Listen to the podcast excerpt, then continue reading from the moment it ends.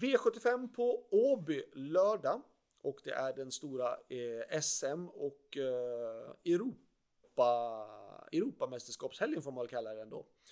Eh, vi börjar med den första V75-avdelningen och det är SM för svenskfödda ston. Själva med nummer 11 Melby Free som känns jättefin men hon har ju dragit ett tråkigt utgångsläge. Hon ska sträckas men hon ska inte eh, rankas etta faktiskt tycker jag ens med tanke på att hon har fått just det tråkiga utgångsläget som hon har fått. 6 Honey Miras har gjort det jättebra och hon har ett mycket bättre spår. 1 Dixie Brick har ett fint utgångsläge och vi ska tänka på att Åby har open stretch. Sen då 11 Melby Free och 12 Hevin Boko som är de bäst starka och kanske mest, ja de är absolut de mest rutinerade hästarna. Men de har då dragit 11 och 12.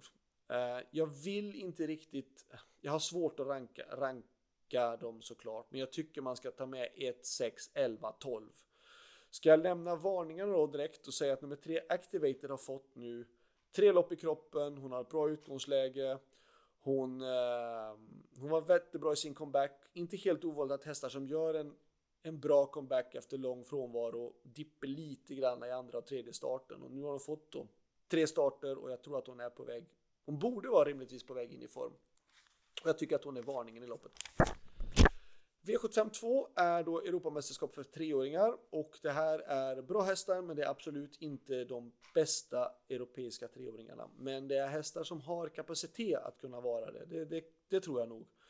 Eh, men jag tycker det här loppet är svårt. Jag tycker att det är supersvårt att rangordna dem och jag tycker att man ska ta med två Cobra Killegar, 3 Siak B, 4 Even Song, 5 Aquarius Face och 6 Red Lady Express.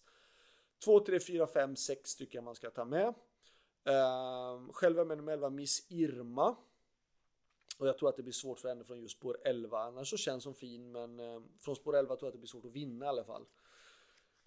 Och någon varning i det här loppet det tycker jag är svårt för att jag tycker att jag tror att det står mellan de här. Det är möjligtvis nummer 10 Sintra i sådana fall som som är kapabel, lika kapabel som de andra hästarna men har dragit ett åka i utgångsläget och det då är eh, den sjätte hästen att plocka med i sådana fall på systemet. V753 är SM i Monté för och 3 Mind Your Value VF är en favorit, en befogad favorit. Han har varit den mest meriterade hästen. Han har vunnit på Vincennes i Monté. Ehm, inte för att säga något illa om någon utav dem, men det är ganska många pensionärer med i det här loppet utav de flesta hästarna. Och humörsbetonade hästar såklart. Um, men jag tycker att 3 Mind Your Value VF är en bra befogad favorit och en spik. Att sen Erik Raffin hoppar upp och rider en sån här häst som är väldigt flegmatisk får man väl ändå säga. Ja, det tycker jag bara är en fördel i sådana fall. Så för mig är det en spik. Varningen, då säger jag nummer 7 Global Undecided, för den hästen har jättehög högsta nivå, blandar och ger så det är inte alltid att högsta nivån är på bästa, men när han är på humör och nu jag startar i Monté kan jag tycka att det är det kan vara värt att passa upp för faktiskt i sådana fall. Om man nu vill gardera loppet. V754 är då SM för ungdomar och Två Powerlane och nio Gerben är första hästarna. Um, nio Gerben har jag vunnit lopp med. Gerben är en bra häst, men han är absolut bäst bakifrån. Så att jag tycker att det nästan är en fördel att han har fått spår 9. För att när han varit där framme så känns det som att det är en häst som jag ska inte säga att han inte kämpar, för det gör han, men han är bättre när han känner att han kommer bakifrån och att han känner att han rår på dem. Um, I övrigt där bakom tycker jag det här loppet är svårt att lösa. Jag tycker att det här loppet krävs i sådana fall många streck och det känns lite grann som att kasta pil vem man ska välja. 10 Bombus Jet har fel spår och jag tror att eh, jag tror att det blir svårt helt enkelt att vinna från just spår 10 även om man känns okej. Okay. V755 är eh, Europamästerskapet för femåringar och 6 Aetos Kronos är absolut en av de bästa femåringarna i världen. Uh, sju Don Fanucci set är likadant och uh, normalt sett ska ju loppet stå mellan de här två och det är en fördel om man nu vill hitta en spikförslag så säger jag att det är fördel Aetos Kronos för att han har precis innanför Don Fanucci set. Um, så att Absolut, sexan är ett bra tänkbart spikförslag och garderingsbud är sju. Vill man ha mera motbud och om det nu skulle bli ett krig i det här loppet, vilket jag inte tror det blir, utan jag tror att det kommer bli Ehm, bara lite körning från början och en trudelutt till slut. Men om det nu mot förmodan skulle bli ett rejält tempo, ja, då är det två Extreme och tre Amonero Rock som skulle mest tjäna på ett hårt tempo.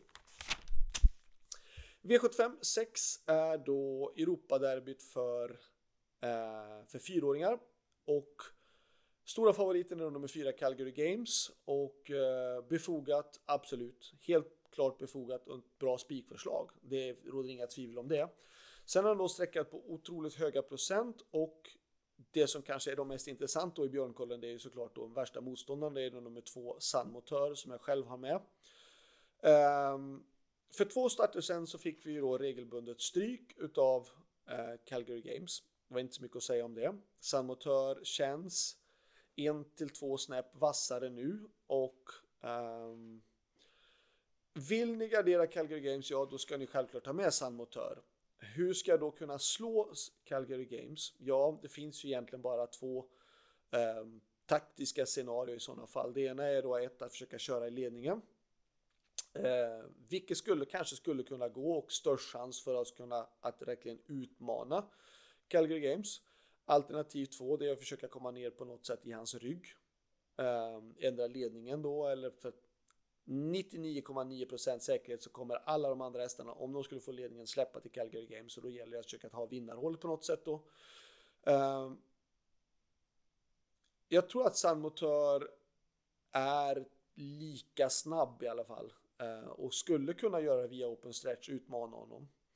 Så att det är de där två olika taktiska, ändra försöka få ledningen eller då försöka komma ner i rygg på honom. Um, är jag sugen på att köra ledningen? Ja, det är jag. För att han är han löper ut väldigt bra i ledningen och det är klart att jag kanske kommer att pröva i alla fall för att göra det.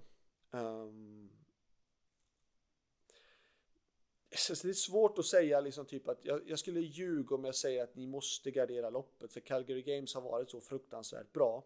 Men jag är väldigt nöjd med San Motör och kan han löpa ut till det som han verkligen kan så tror jag att jag kan utmana i alla fall. Det tror jag.